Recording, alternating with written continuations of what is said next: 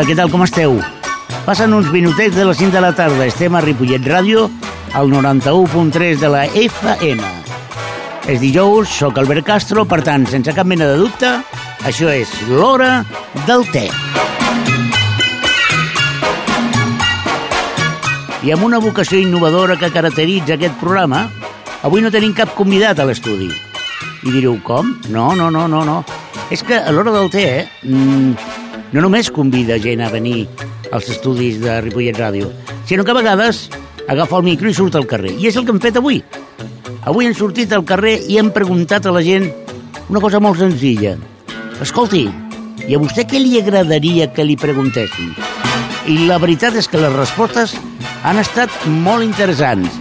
Escoltem el primer bloc de gent que contesta aquelles preguntes que d'alguna manera o altra li hagués agradat que l'haguessin fet. Escoltem-ho. Bona tarda. Bona tarda, Albert. Com et dius? Josep, Quina edat tens? 38 anys.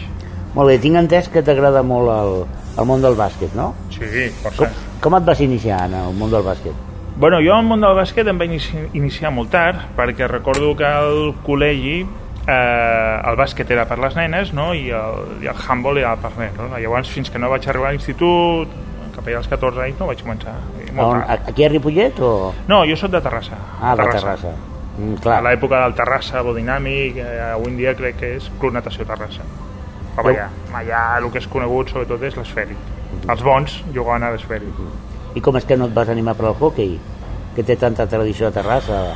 Bueno, saps quin és el problema? La meva família, que és una família humil, podríem dir, eh, mai mai et van, et van tirar cap a, cap a un esport, no? Vull dir, segurament si haguessis tingut uns pares d'aquells de, hòstia, va, el nano avui en dia va, què pot fer? Doncs a, a, a Terrassa, evidentment, el tires cap al hockey, no? Però els meus pares no, no, no tenien aquest pensament. Ah, Llavors, bueno, eh, trobo que el hockey és un esport molt complicat, eh? molt complex. Vull dir, A, l'actualitat estàs jugant a bàsquet? sí, de forma, vull dir, totalment amb, amb quatre amics, vull dir, ens ajuntem amb una bona pista i tal, però vaja, eh, no és eh, professional ni amateur, evidentment. Molt bé. Tens fills? No encara, I si els tinguessis, els animaries a jugar a bàsquet? sí, segur. segur, I per què no a futbol, que guanyen més calés i són més populars? però pf, és un altre tipus d'esport, no, no té res a veure el bàsquet i el futbol. Vull dir, eh, a part que a mi el futbol en si, si no és un partit del meu equip, eh, m'arriba a avorrir, el bàsquet, ostres, eh, jo crec que fomenta fomenta certes coses que amb el futbol jo suposo que el, els calés i tot això es perd. No, no, no m'agrada gens. A més a més crec que és un altre tipus de, de, de gent, no és que sigui, no és que sigui com t'ho diria jo gent complicada, però bueno, no sé és com el, si pots doncs el nano el portes a tennis, a música a hockey, no? I a futbol sembla que bueno, tinguis un altre tipus d'ambient no sé, De, eh, puc preguntar-te de quin equip ets? Del Barça. Home, molt bé, perfecte. I com veus el Barça aquesta temporada? Bueno, eh, han començat malament, però vaja, jo crec que tenen un equipàs trobo que els hi falta un tirador perquè el Navarro ja està una mica d'aquella manera i, i, i bueno, però si supera la seva lesió jo crec que no hi ha equip a Europa que el pugui parar avui en dia Bueno, no sé si has sentit que el, el Kobe Bryant l'any que ve, el 2013, es retira. uh -huh. Bueno, diu que probablement es retirarà de la NBA. Uh -huh. Com veus la possibilitat de que vingui al Barça? Perquè saps que és un culer empedarrit.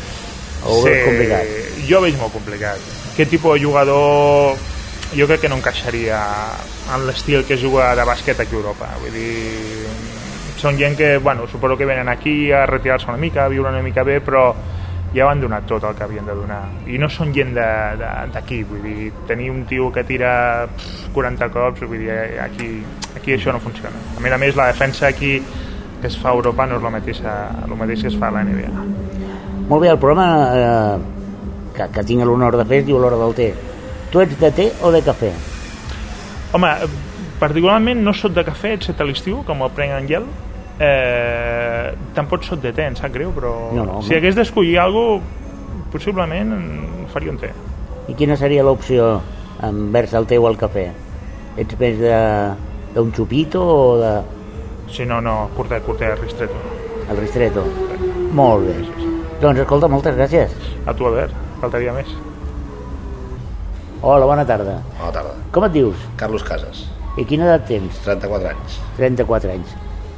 Escolta, eh, tu què faries amb mil milions? De pessetes. O d'euros, no sé. De pessetes d'un també. També anirem bastant bé. Sí, què faries? Pues viure la vida. Com? Viure la vida. Viure la vida. I què és per tu viure la vida? Pues mira, treballar igualment, però viure més tranquil. A veure, treballar. Amb mil milions treballar? Sí. Per què? Si no t'avorreixes, Però mil milions i viure la vida, no? Sí. Que tindries... viure la vida, treballar 8 mesos a l'any i 4 de festa. I la festa en què consistiria? Pues en viatjar A on t'agradaria anar? a la muntanya. A la muntanya, però... Clar, amb mil milions no t'aniries al Montseny. Vull dir, No, aquí no aniria. A quina muntanya t'agradaria anar-hi? Al K2, a veure'l, no l'he vist mai. Saps? A l'Everest, a veure'l. No a pujar, però a veure'l. Uh Mhm. -huh. Pues puestos aquests. T'agrada l'alta muntanya? Sí, a veure'l. Molt bé. I a quina altra, quina altra cosa faries? Perquè, clar, muntanya, quatre mesos veiem muntanyes, amb mil milions de la butxaca no m'ho ángeles. Sí, què més faries? Què més faria? Moltes coses. Alguna festeta, que altra? Sí, una festa sí. Sí? Com seria la teva festa ideal? Ideal. Imagina't que ara arriba aquí el Berlusconi i et diu, escolta, eh, tenim xec en blanc per fer la festa. Com faries la festa? Pues faríem una, una similar a Jafei. Sí? Sí. A on la faries? Sé que Ripollet, home. A Ripollet? Què dius ara? Sí? I quin lloc de Ripollet t'a- t'agradaria agafar? Oye, algun, una taverna que es diu Enovin. A Naleno 20. És a dir, a veure un moment. M'estàs dient que amb diners per avorrir, amb, amb poder organitzar la festa idíl·lica, vindries a l'Enovin, sol o acompanyat? Acompanyat Vale, vale, ja comencem a anar bé. D'aquí, de noies guapes. noies només. Noies i noies. Vale, però... Companys, el company de feina que tinc. Vale, companys i noies, les noies anònimes. també. Ànimes. Molt bé, molt bé. Perfecte. Escolta, la música t'agrada? Hi hauria música a la teva festa Sí, o no? home. Quin tipus de música t'agrada? Dels anys 80. Algun grup en especial? No, m'és igual. I de veure que hi hauria alcohol o... Sí, home, això sempre. Sí? Quin tipus d'alcohol t'agrada? A mi, el whisky. El whisky? En alguna marca en especial? Catisarc. Per què? Mira, sempre he begut. Molt bé. Sol, amb gel, amb, Amb Coca-Cola. amb Coca-Cola. Molt bé. Doncs escolta, si mai tens la sort de que toquin mil milions, Et, et vinc a buscar. ah, em direu alguna cosa, no? Que si ja on estàs. Home, i tant. Per cert, una, una pregunta. Eh, té o cafè? Cap de les dues. Bo, No m'agrada, no m'agrada cap. no t'agrada ni el té ni el cafè. I quina alternativa tindríem al té o al cafè? És cap, perquè no em pren mai. Un xupito de whisky? Això sí. No, whisky, de whisky no, de lujo d'herbes. Ah, orujo d'herbes. És a dir, després de dinar, una copeta de orujo d'herbes. Molt bé. Doncs escolta, res més, moltíssimes gràcies. Igualment. Hola, buenas tardes. Hola, ¿Cómo te llamas? Jordi, ¿Qué edad tienes? 37. 37 años. Bueno, eres joven, pero eh, la jubilación, ¿cómo lo ves? ¿Qué te gustaría hacer en la jubilación? Tener tiempo libre y estar entero, estar bien sano, fuerte y disfrutar, disfrutar. ¿no? ¿Cómo disfrutarías de tu jubilación? Pues haciendo lo que no has hecho eh, desde que tenías 16 años. Tener tiempo libre y ver otras cosas, ¿vale? ¿Te gustaría viajar? Bueno, si viajo, estupendo, y si no, pues me adapto. ¿Qué edad, qué edad crees tú que es la mejor para jubilarse? ¿Crees que los 65 están bien o, o que a ti te va a tocar jubilarte un poquito más tarde? Yo hombre, creo que más tarde, pero me me gustaría estilo 55 años, así, que es cuando uno tiene experiencia y por lo menos llegas a algo. ¿eh? Claro. Puedes moverte un poco mejor. ¿Por tu trabajo viajas mucho? ¿Te mueves mucho? Sí. ¿Sí? Sí, sí. Con lo cual a ti lo de viajar te apetece poco, a ti lo que te apetece es quedarte en casa, ¿no? No, no te creas, ¿eh? Me gusta mucho también, lo- y si viajo, viajo en coche más que en ningún otro método de transporte. ¿Te gusta el coche Para comparado? conducir, sí, me gusta conducir. ¿Y al- serías de aquellos que coge el coche y hasta que acabe la carretera o, o eres de puntos concretos de... Hombre, soy de puntos concretos como todo el mundo, claro, pero que si tengo que hacer un día o hacer 400 kilómetros sin parar, hay gente que a lo mejor se aburre, se agobia, se cansa, yo no, yo aguanto bien, aguanto bien. ¿Te gusta la aventura? Es decir, ¿te gusta coger el coche, eh, poner cuatro cosas y decir, Con- venga, va, a donde salga? O... Claro, contra más años cumples, menos te gusta eso, claro. Claro. Yo cuando me casé, cogí el coche y me fui por Europa, hice 5.500 kilómetros. Madre mía, cuéntame eso ¿En qué países estuviste? Bueno, empecé, ya la primera tirada ya me fui a Pisa, que había unos mil kilómetros. Salí a las 6 de la mañana y llegué a las 6 de la tarde. Y esa, pues de ahí Pisa y luego ya me fui por Austria, Alemania, Francia. ¿Qué coche llevabas? Un golf, un golf. Ah, bueno. Pero bueno, era nuevo. Era... Bueno, bien. Eh. Recién casado y con coche nuevo, ¿qué más Sí. se puede pedir en la vida? Sí, pues entonces, pues tírale. sí, sí. ¿Dormíais en hoteles o en campings? Más que nada en hoteles, pero pues, claro, con 25 años. Te da igual, ¿no? nada, tirados por ahí. Hasta en el asiento de atrás del golf hacía- falta. No, que yo recuerde no dormió en el coche, ¿no? No, no. Eran en hoteles que tenía concertados algunos y otros que salían así de carretera o algo. Viajando, ¿cuál, ¿qué anécdota destacarías de alguno de tus viajes? Aquel que digas, pues mira, una vez me pasó esto. Pues sí, con el coche nuevo en París, por ejemplo. Sí. Estaban aparcando y veía yo del hotel que me lo estaban empujando y desde la ventana ya dije yo, eh... O sea, desde la habitación del hotel viste Mm. que el coche Sí, le sí, estaba dando un, otro que claro, eso que echa marcha atrás y te lo está... y yo, claro, yo en medio de, de París no... Pero claro, la ración esa, decir, eh, mi coche. Claro, en castellano, claro, imagino. No, estudié francés en el colegio, Ah, tres años, y le dije, eh, nepato que le a ti. o sea, eso lo sabías decir. A lo mejor se lo dije hablando con los indios, pero, pero sí. Muy me, bien. me llamó la atención ahí. ¿Tienes algún viaje preparado para próximamente o no? No, no, no. Ahora ya en este tiempo, ya hasta el año que viene nada. Así Muy bien. Bueno, pues muchísimas gracias. Ah, pero perdona, no, antes de acabar, tengo que hacerte la pregunta de rigor del programa. ¿Té o café? Yo té, sin duda. Té sin duda. Sí, porque el café lo, no, me, no me gusta. ¿No te gusta el café? No, no me gusta, ¿no? Para tomarme yo un café tiene que ser con un chorrito de baile, pero eso muy puntual. ¿no? Es que no me gusta, no me gusta. ¿Te gusta más el té? Tampoco soy mucho de té, ¿eh? Yo soy más de cerveza, Bien. ser sincero. Sí, pero sí. no, no. O sea que tu alternativa El es café, si lo huelo me gusta, sí, no, el olor sí, pero lo, eso tan amargo no. Ni un cortado, ni un bien. descafeinado. Muy bien. Bueno. Pues escucha, muchísimas gracias. Vale, pues que vaya bien el programa, ¿eh? Suerte. Vale.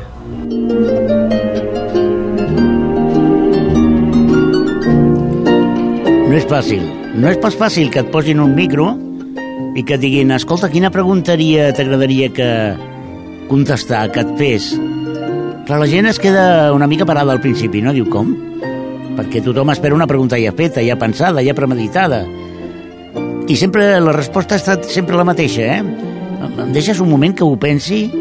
Ho pensen i veieu on ens ha parlat de bàsquet o de què faria si el toquessin una gran quantitat de diners a la loteria o fins i tot què faria quan, quan es jubili. Eh, és una experiència molt interessant. Eh, us en recordeu que hem parlat moltes i moltes vegades d'un agent que tenim a Japó? Que algú ens escoltava des de Japó? I direu, l'has localitzat? Doncs sí, l'hem localitzat, perquè és una dona. En aquest cas ens parla des d'un altre país, no més proper, eh? més al contrari, des de Xina. Perdoneu la qualitat del so, no és gaire bona, perquè és una conversa gravada a través de l'Skype, aquest sistema de videoconferència. I a vegades el so no és gaire bo. Però mm, penso que el document val la pena i, per tant, escoltem a Anna, una persona que ens escolta des de Xina que té coses interessants a dins. Hola, ¿me dices tu nombre? Mi nombre es Ana. ¿Qué edad tienes? Tengo 18 años. Muy bien, tengo entendido que ahora mismo estás en China, ¿verdad? Sí, estoy, soy de Ripollet.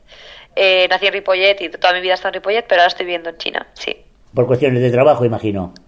Sí, estoy trabajando aquí, exacto. Bien, ¿y qué es lo que más te gusta y lo que menos te gusta de estar en China? Lo que más me gusta de estar en China, sin duda, es el té chino y la comida china. Además de que, bueno, Asia, estuve en Japón antes, Japón me enamoré y, bueno, pues quieras que no, me gusta viajar. Entonces, pues estar en China pues implica tener una experiencia más. Pero lo que más me gusta de China, sin duda, es el té. Y lo que menos me gusta posiblemente es el hecho de que no hablen inglés. Es imposible comunicarse con la gente a no ser que sean chino. Y luego también lo que quizás lo que más no es que me, no es que no me guste, sino que incluso me molesta es el sistema político que tienen. Eh, es, es un sistema político extraño y además la censura es muy grande. Yo no estoy en Hong Kong, yo ahora mismo estoy entre Shanghai y Hangzhou, vivo en estas dos ciudades y bueno, en, en Hong Kong sí que realmente puedes ver, o sea, hay libertad, hay, hay votaciones, es totalmente distinto, pero el resto de China no es así. Solo hay un partido, el Partido Comunista, y además la censura es muy alta. Con lo cual yo creo que eso es lo que menos me gusta de China. No puedo abrir Facebook, no puedo abrir ninguna de ningún tipo tipo de web que contenga publicidad. Y bueno, eso supone pues un problema, la verdad, para vivir aquí. Muy bien, pues eh, eh, como sabes el programa se llama La Hora del Té, con lo cual me parece perfecto que lo que más te guste de China sea el té. Bueno, Ana, eh, esperamos verte pronto por, por Ripollet otra vez. ¿Vas a estar mucho tiempo ahí en, en China? Eh, bueno, en principio mi contrato de trabajo dura 45 días, lo que implica que en 30 días vuelvo a Ripollet, vuelvo a casa. Pues nada, que tengas un buen viaje de retorno y esperamos verte cuando estés aquí en Ripollet. Sin duda, muchas gracias. A ti. És normal, és normal una persona jove que tingui censurat l'accés a les xarxes socials doncs provoca enrenou. Ha valgut la pena aquest testimoni, malgrat que el so no era de bona qualitat. Eh, és curiós perquè hi ha gent que no et demana que li preguntis per coses que li han passat o per coses que podrien passar. Fins i tot el proper convidat d'avui ens eh, demanava que li féssim una pregunta de futur. És a dir, la pregunta que l'agradaria que li fessin dintre d'uns anys. I la seva resposta és força curiosa. Hola, bona tarda. Bona tarda. Com et dius? Toni, Toni Dralet, I l'edat? 32. 32. Molt bé. A veure, tu, tu em plantejaves un tema eh, de, de futur, no? És a dir, Sí. la pregunta que t'hagués agradat que et fes és una pregunta que t'hagués agradat que la fes dintre d'un temps Sí. i no en aquests moments. I era el que com havies viscut tu la crisi sí? Com Sí. és que vas plantejar la pregunta d'aquesta manera? Pues doncs perquè porto molt temps escoltant aquesta mateixa pregunta, no aquesta mateixa, sinó porto molt temps escoltant com està la crisi, com va tot, com va la feina, és que està tot molt malament i tinc moltes ganes de que passi tot això ja. I és les, la necessitat de que, de que algú d'entrada ja em pregunti una altra cosa, no em pregunti per aquest tema. Perquè, clar, per la teva, per la teva professió, eh, tu tens un contacte que parles amb la gent com si fossis un psicòleg. Ah, exacte. no? Mm, Un psicòleg que, em- que em queda molt gran, però sí que és un tracte molt personal i avui també mm, el que jo he fet és per un, aconseguir un tracte molt personal amb la gent, perquè és- només treballo jo, amb la qual sempre mm, estareu amb mi. Llavors, eh, sí, parlo molt amb la gent, tinc un tracte molt directe amb ell i, i la veritat és que trobo casos que realment són durs. Perquè, clar, tu ets d'aquests inconscients, que em permets que t'ho digui, que en època de crisi, quan tothom tanca, mm, tu decideixes obrir un negoci Sí, a la vieja usanza. sí. exacte. Recuperar el servei clàssic de la barberia amb una, algo més, més modern, no? posant-la una miqueta al dia, segons la meva manera de veure les coses, però sí, és, és un bon moment, mira, també aprofitant, entre cometes, els, les, les oportunitats que et dona una crisi, que és entrar en un local com el que he entrat jo, segurament no hagués pogut fa, fa uns anys. Sí, tu et dediques... Eh, fa gràcia perquè tu tens una barberia. Una barberia. No una perruqueria, No, perruqueria masculina... A mi m'agrada barberia, una barberia. Com els d'abans, com, Com les de, de tota la vida, amb els serveis d'abans, sí. a Tot parlar de igual. futbol i a parlar de tot una mica. No? Bueno, sí, a parlar del que em digui la gent i sobretot per això t'ho deia, a intentar no parlar tant ja de la crisi, a entre tots. I perdona'm la pregunta, una, un home jove com tu, que li agrada el món de l'estètica, eh, suposo que tu hauràs començat en aquest ofici pentinant a dones, no? Exacte, homes, dones, tots, sí, sí, sí. I com és que en un moment donat dius, mira, m'especialitzo en homes, No vaig ser jo, va ser, va ser la pròpia clientela Ah. que, que em va fer eh, agafar aquesta direcció. Treballava en una perruqueria cerdanyola unisex, ja portava altres perruqueries abans, i en aquesta perruqueria, sense donar-nos compte, un dia el jefe em va venir i em dir Toni, has vist la teva llista? Cada cop tens menys senyores i més nois que demanen per tu. Em vaig dedicar, això- bueno, vaig començar així a lo tonto i després sí que abans d'obrir això port- portava 8 anys ja dedicat a una perruqueria a Sant Cugat que només feia homes però la, la, la idea va sortir sense, sen, o sigui, va ser la pròpia feina la que em va derivar això perquè clar, tu saps que en el món de la perruqueria eh, els estilistes, perquè ara ja no són perruquers, Sí, bueno. ara són estilistes, sí. eh, perquè, clar, és, és un món eh, molt... eh, Com que l'home havia de renunciar a la barberia tota la vida, Sí. anar a una perruqueria unisex, Sí. i que, i que d'alguna manera un estilista doncs ja només li, eh, li fes una afaitat i un tall de cabell no, jo crec que també la, el que m'ha portat a mi això també és que el, en un unisex sota el meu punt de vista sempre, eh, el- és un, el servei de l'home és un servei a més a més o sigui, a més que ve la dona i tal és un servei que també oferim però no és el servei que jo vull oferir és un servei molt més personalitzat molt més dedicat a l'home dedicat al, a la, a, bueno, el tema d'afeitat s'ha perdut i jo vull intentar recuperar certa, bueno, el que pugui no? Quant temps fa que has obert? res, mira, passat festes el dia després d'acabar festes I com, com et va? estic Un- molt content Un botiguer que diu que està content? Sí, estic molt content perquè eh, si m'haguessin dit de, fir de, de signar com ha anat tot, mm, no és que no hagués pogut signar perquè no m'ho hagués cregut. Ha anat molt bé, estic coneixent gent, estic... mm, Bueno, la gent comença a repetir perquè ja porto això, mes i mig, dos mesos, que és més o menys la tornada, i de moment estic molt content. No, no, Doncs, Toni, eh, t'he de fer una pregunta que saps que el programa es diu L'Hora del Té i una pregunta clàssica, el buc insígnia del programa és té o cafè? cafè, Ets de cafè? eh, soc de cafè. Sí? Sí. El té no t'agrada? Eh, M'agrada, però si puc hi ha les dues, prefereixo el cafè. Molt bé, doncs un altre amant del cafè, és a dir, és, estem fent una mena d'enquesta i la veritat és que hi ha un 50-50 entre Sí? té i cafè. Estem valorant la possibilitat de canviar el nom del programa, però bueno, de moment eh, l'empat tècnic ens permet continuar. Doncs Toni, moltes gràcies. A vosaltres.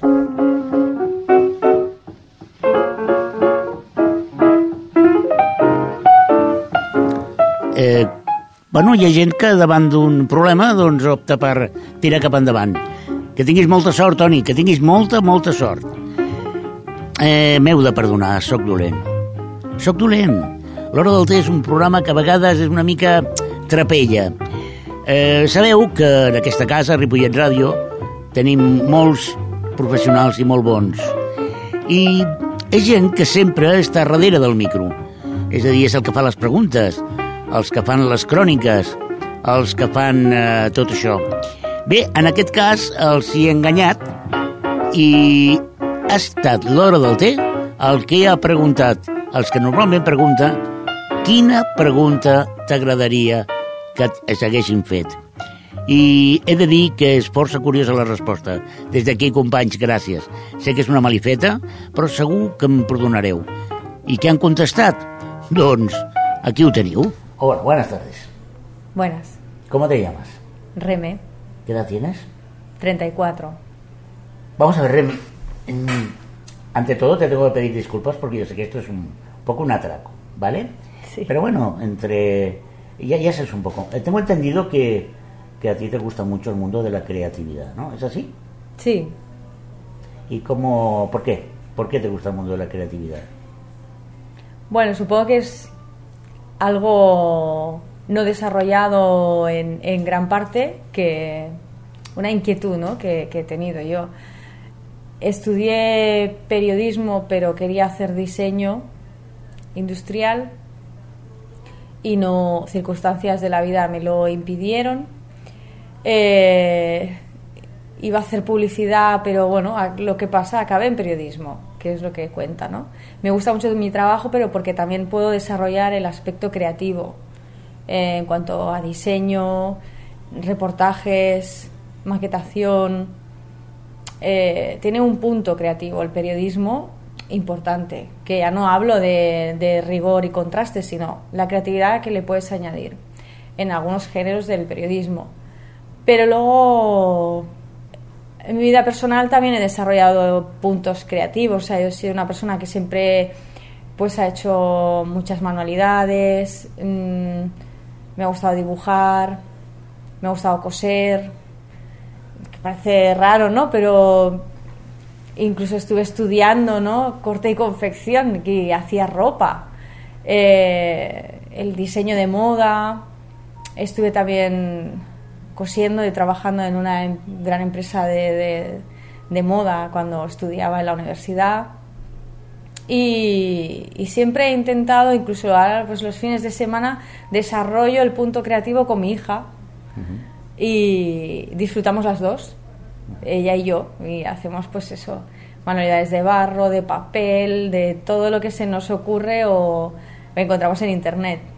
Porque cuando, cuando piensas en, en, en tu vertiente creativa, yo te imagino, ¿no? Llegas a casa, después de un día duro de trabajo, tienes un momento para ti y dices, me dedico a crear. Cuando, cuando lo haces realmente como un elemento que te relaja o porque tienes una necesidad de crear cosas que te Es que, por la cabeza. aparte de relajarme, pero la creatividad se puede explotar en muchos campos. Por ejemplo, hay días que llego y me pongo a cocinar. Y en casa mucha, muchos me dicen, es que me da pena comerme esto. Pero es que la creatividad la puedes explotar en muchos campos, por ejemplo la cocina. Entonces yo en, en la familia soy la que decoro los platos y la que lo dejo bonito y cuando llega Navidad y la que coloco la mesa y la que hago los servilleteros.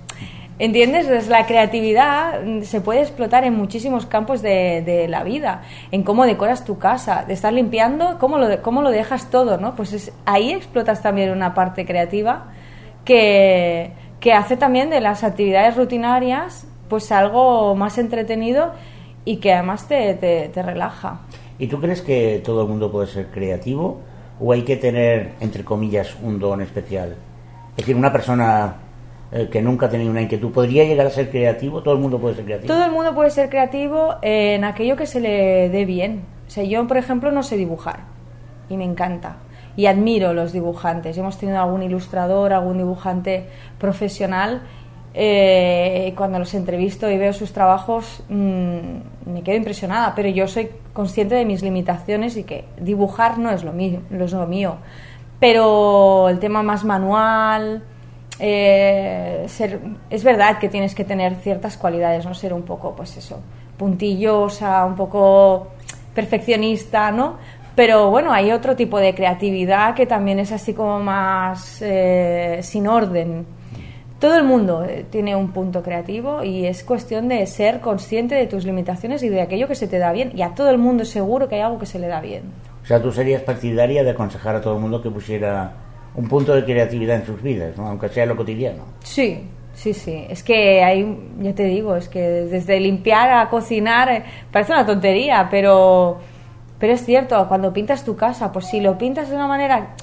Yo he sido la que pintas y haces, pues aquí pones una, no sé, alguna, alguna cosa extra, ¿no? A la hora de, de pintar una habitación o de hacer alguna cosa, ¿no? Y siempre le das tu toque personal.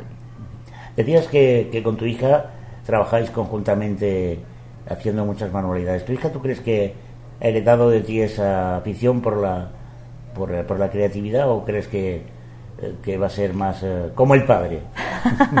porque los hombres solemos ser menos creativos, ¿no? Hombre, no, mm, le gusta quizá porque también eh, se acostumbra, ¿no? Pero claro, es, es una niña y al igual que, por ejemplo, mi sobrina llega a casa y me dice, vamos a hacer manualidades, mi hija, vamos a ver la tele. Entonces, claro, la tienes que guiar un poco y, ver que si en ese momento pues no tiene ganas o se aburre o tal, dejarlo estar. Porque no tiene que ser una cosa impuesta, tiene que ser una cosa que realmente a ella le apetezca. Y entonces hay veces que ya te lo pide sola y cuando ves que le apetece y es el momento lo haces, pero nunca imponer una cosa así. Eh, suponiendo que tuvieras la posibilidad, aparece un, el genio de la botella y te dice, Reme, ¿qué capacidad artística o creativa te gustaría tener? ¿Cuál, cuál escogerías? ¿La pintura, la escultura, eh, el dibujo, como decías? Yo. A mí me gusta más el tema de. De, de pintar, pero por ejemplo, una cosa que, es- que me ha gustado mucho es eh, trabajar materiales, ¿no? Por ejemplo, pintar marmolina o trabajar la madera.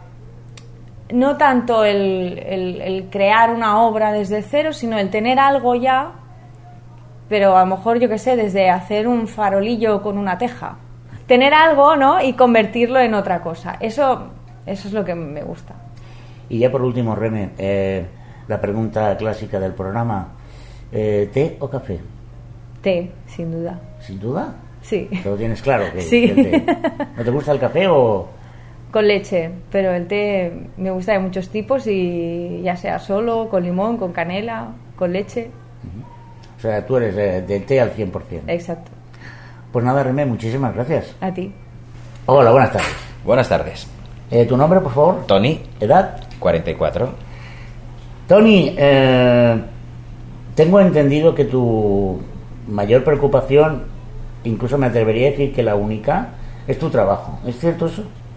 Bueno, la única no, pero sí, eh, afortunadamente es mi mayor preocupación porque el resto de cosas más o menos, eh, bueno, tengo la suerte que no me van mal.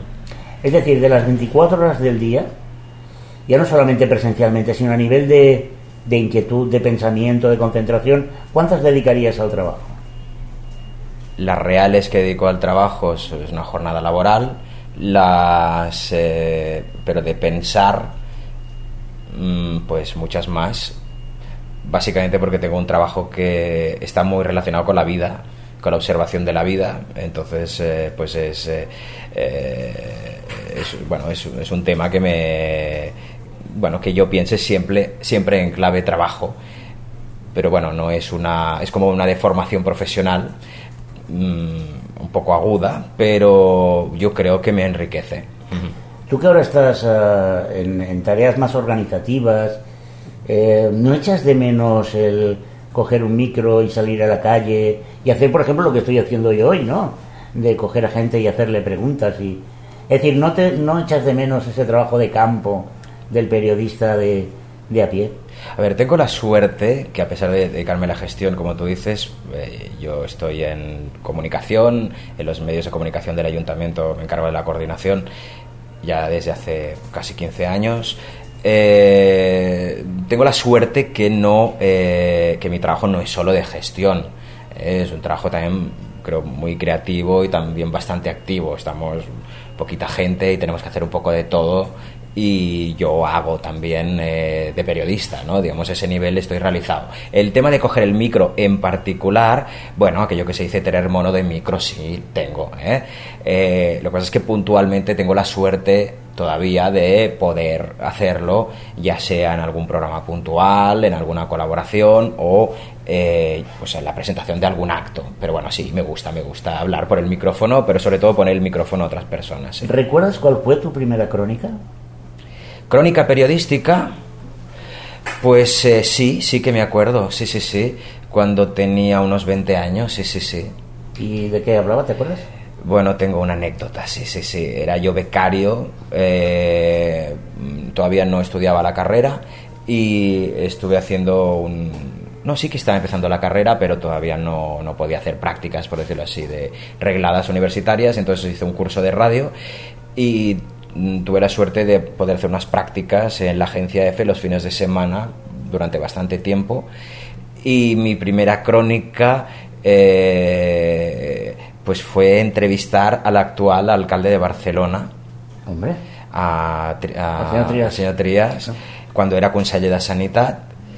Es una cosa para mí que, bueno, que me representó aquello como una persona importante, ¿no? Ya en su momento. Lo que pasa es que eh, mi desconocimiento y mi juventud y mi inexperiencia pues eh, me llevó a una anécdota muy curiosa que es que eh, por todo, todo el mundo es sabido Trias tiene un defecto en el habla que ha perfeccionado bastante con el tiempo pero que eh, una persona de mi edad, pues eh, yo recuerdo que lo que me pasó es que después de hacer la entrevista, cuando volví a la redacción, en aquel caso a la agencia F, para extraer las declaraciones y hacer un poco la crónica del acto, no recuerdo muy bien de qué era, era la típica recepción. Y recuerdo que le entrevisté con un que él llevaba, era un cóctel, y él llevaba una, un- una copa de cava en la mano. Bueno, pues a mí yo interpreté su defecto en el habla con que iba un poco bebido. Y entonces yo fui y dije, es que creo que esto no se puede aprovechar porque el señor este es que no hablaba bien, es que iba un poco bebido y mm, yo creo que esto no es válido. Total, que escucharon la grabación y entonces se rieron mucho y me dijeron, no, no, no, es, no es que vaya bebido, pobre, sino que tiene un defecto en el habla. Y nada, pues hice la crónica al respecto. Tony, ¿qué, noticia te hubiera gustado cubrir? Es decir, eh, imagínate que, te, que, me hubiera gustado cubrir esta, yo que sé, la muerte de Kennedy o, o el descubrimiento de la rueda. ¿Qué noticia hubiera dicho, uff, me hubiera encantado haberla, haber estado allí, haberla cubierto yo? Pues ahora sí, eh, yo creo que cualquier noticia es importante. A ver, a mí me gustan, yo creo que por eso también me dedico al periodismo local, a las noticias más cercanas. Me gustan, yo creo que no son de menor importancia, son importantes en cuanto son próximas. Eh, para mí es más importante eh, eh, pues eh, yo qué sé, el- el informar ahora mismo de cuando se ponga en marcha el carril Busbao y, y entrevistar a los conductores que lo van a coger o que dudan de cómo se coge, igual que no entrevistar al conseller de turno que va a cortar la cinta para decir que eso va a ser maravilloso, ¿no? Eh, cualquier noticia de interés local, pero a veces una cosa muy sencilla, que es eh, ¿por qué han cortado esta calle? Y saberlo. O ¿qué van a hacer aquí? Pues a veces hay eh, muchas leyendas urbanas sobre muchas historias, entonces pues me gusta indagar en eso, desde, desde un punto de vista ya de ciudadano, que le gusta saber mm, de sus cosas, ¿no? Y a veces se olvida de informar porque se cree que eso no es importante. Cualquier cambio que afecte a la ciudadanía, a mí me interesa saber, ¿y esto por qué lo hacen? Y, saber si obedece a algún tipo de criterio, de, de- de- de lógica. Se supone que si se hacen determinados cambios es para bien, ¿no? O si obedece a otro tipo de, de- práctica, pues el saberlo también, pues para, mm, para poder opinar sobre el tema, ¿no? Pero bueno, más las informaciones pequeñas. ¿Algún hecho en concreto particular? Pues bueno, yo recuerdo cuando fueron los Juegos Olímpicos, que fue un momento muy interesante, eh, donde los medios locales también tuvimos la oportunidad, por la proximidad de los Juegos, de estar ahí. Y eso pues fue una cosa para mí súper interesante, ¿no? La Expo de Sevilla, por ejemplo, que fui yo también en aquel momento y era pues eh, con la excusa de que era de un medio local, pues eh, bueno, tienes esos pequeños eh, tratos preferentes que a veces tenemos los periodistas que, bueno, con ese derecho a la información a veces tienes el privilegio a ver cosas que igual la gente pues tendría más dificultades y recuerdo que entramos gratis y tal y eso claro, yo que no tenía un duro, pues para mí pues aquello fue como una oportunidad, ¿no? Bueno, Antoni, ya por último, la pregunta, el, el book insignia de, de l'hora del té. Ujú. ¿Té o café? Eh, bueno, eh, yo no soy muy de té, te tengo que decir que tampoco muy de café, ha sido una cosa más de la edad. ¿eh?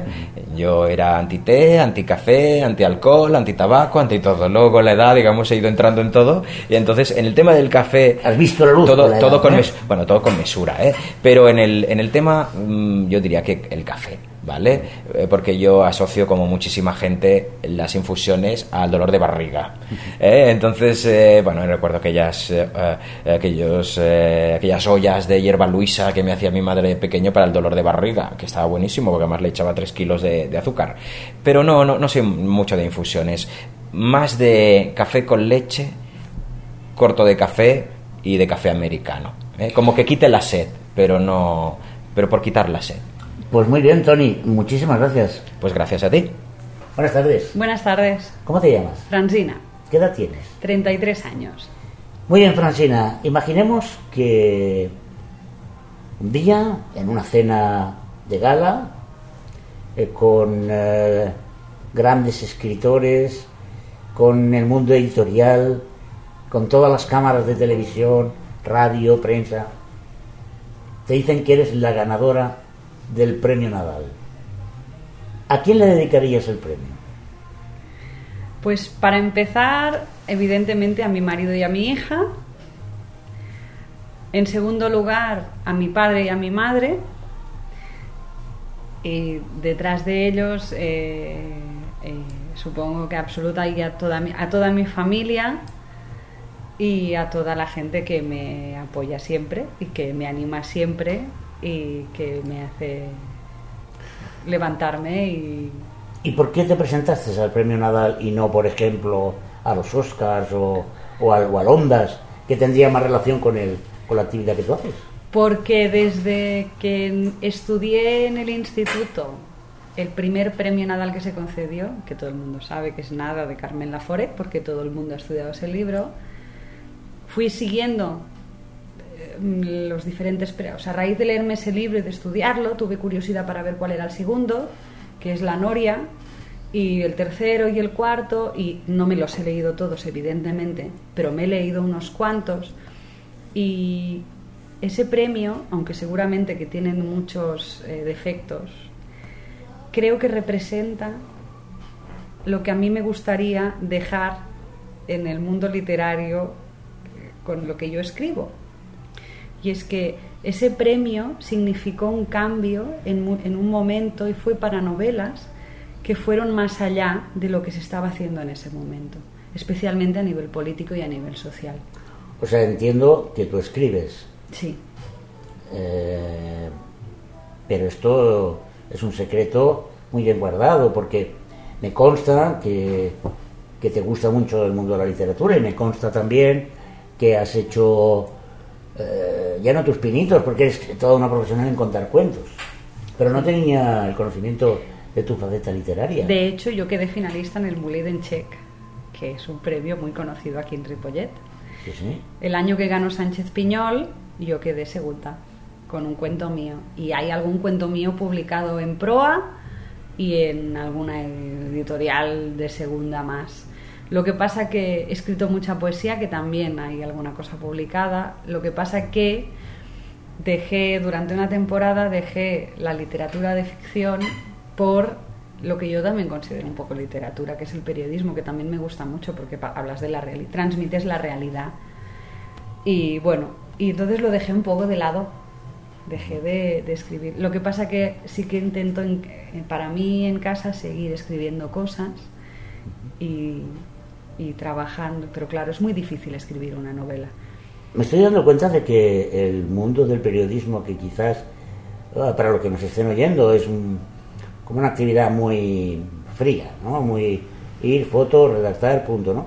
Me estoy dando cuenta de que los periodistas tenéis un artista detrás en diferentes géneros, ¿no? Yo creo que sí. Yo creo que es una profesión, o sea, yo creo que es una profesión vocacional. Te tiene que nacer de dentro. Y la prueba es que hay grandes periodistas que no son periodistas de carrera. Y porque te es como ser profesor, o como ser médico, o como ser enfermera, o incluso como ser tornero fresador. Yo creo que te tiene que nacer de dentro. Y entonces un periodista tiene que ser curioso, tiene que ser chafardero, tiene que ser... mm, eh, quiere, tiene que querer ir más allá. Y, un escritor también creo que tiene que tener un poco, tener que ser curioso, te tienes que documentar, te tienes que informar, no te tienes que quedar con lo primero que te dicen, sino buscar más eh, puntos de vista. En la ficción la única cosa que haces es inventarte una historia, pero es imposible inventarte una historia. Siempre te basas en algo. Y si no, no habría miles y miles de libros basados en historias reales. O sea, Gabriel García Márquez, una de las mejores novelas que escribió para mi punto de vista, era Crónica de un secuestro, que se dedica a recoger sus artículos periodísticos del secuestro de una política sudamericana y todo el calvario que la muchacha pasó. Y allí hay ficción, evidentemente, pero también hay crónica, también hay crónica. Entonces, yo no creo que se aleje, se aleje tanto. El periodismo es algo más allá que sentarte, hacer fotos, redactar y ya está. Tú estás transmitiendo un hecho. Y, tú le pones de tu sentimiento. Si tú vas a un acto, aunque sea la cosa más absurda del mundo, y el acto te parece horrible, yo creo que, que aunque no lo intentes, se nota que es- te ha parecido horrible. Evidentemente tienes que intentar que no se nota que te ha parecido horrible, pero tú tienes que transmitir lo que ha sido. Y si ha habido una manifestación y han habido 10 personas, pues han habido 10 personas, tú no te lo puedes inventar. Y yo creo que, bueno, que sí, que eh, llevas un creador. ¿Qué, Tienes- li- qué libro estás leyendo actualmente, Francina? pues ahora he caído en las redes de el- en las sombras de Grey. Lo que pasa es que tengo varios libros empezados, porque me estoy leyendo el último libro que ha escrito Álvaro Pombo, que es el de el, el- ostras, ahora no me acordaré cómo se llama, porque es del filósofo, el, el profesor, es que tiene un título de estos tan de pombo, tan raros, pero es sobre un profesor de filosofía homosexual que se mete en un follón eh, muy raro, pero es muy profundo. Y paralelamente me empezaron a picar el gusanillo con las sombras de Grey, esta trilogía erótico festiva que se ha hecho tan famosa y estoy por el segundo que se me está haciendo eterno porque tengo que decir que no me está gustando mucho. ¿Qué libro te hubiera gustado escribir, Francina? Ostras, clarísimo lo tengo. Me hubiese encantado escribir Crónica de una muerte anunciada de Gabriel García Márquez. Es mi libro favorito. Muy bien. Eh, te tengo que hacer la pregunta de rigor. La, la marca de agua de Loro del Té. Ah, ¿Té o café? café, café. Sin discusión. Café en vena, sí, sí, café. Sin discusión. Sin discusión, café. O sea, tú eres una aberchare Sí, del sí, café. el té no me dice nada. Lo he intentado porque queda muy bien, pero no. Yo soy de café. Muy bien. Bienvenida a los que como tú somos aficionados al café, a pesar de que hagamos un programa que se llama L'Hora del Té. Francina, muchas gracias. De nada, un placer. Moltes gràcies, companys i companyes. Moltes gràcies, de debò. Ja sé que no està bé... bé. Us heu donat com els feia una mica de vergonya? Al principi, sobretot, eh? Allò que dius... Ah, és molt fàcil preguntar, però que et preguntin... Gràcies, de debò. I sobretot gràcies també als eh, anònims que han volgut participar eh, d'aquest moment de ràdio. De debò, moltes gràcies. Ho tornarem a fer, eh? Per tant, esteu atents, eh, homes i dones i nenes padrines de Ripollet, si mai trobeu una persona que us apropa al micro i us diu, escolta, què vols que et pregunti? Eh, se'ns acaba el temps. Se'ns acaba el temps i és una trista pena, de debò. Vull agrair abans que res a Toni Miralles, que avui ha estat el tècnic d'aquest programa. Moltes gràcies, Toni. Bona resposta, eh? Has de pensar una mica més en tu i no tant a la feina, home. Però eh, se'ns acaba el temps. Què dius? Home, és que se m'ha fet curt. M'agradaria tornar-ho a fer. Doncs cap problema. El diumenge a Ripollet Ràdio es torna a repetir a les 5 de la tarda a l'hora del té. Però què dius? Home, és que m'ha agradat tant el programa que el vull tenir al meu mòbil, al meu podcast, al meu... Doncs cap problema, ripolletradio.cat i pots descarregar-te a l'hora del té o qualsevol programa de l'emissora. Escolteu, eh, és que és un privilegi. Eh, des del Japó, des de Xina, gràcies per escoltar-nos. Ens hem d'anar. I ens anem amb un tema de l'Amparson Project, que el títol és eh, No em facis cap pregunta. D'acord? Doncs què us sembla si deixem a l'Alan Parson que no vulgui contestar i mentrestant preparem el proper programa, el proper dijous, a l'hora del té. Gràcies i fins la propera.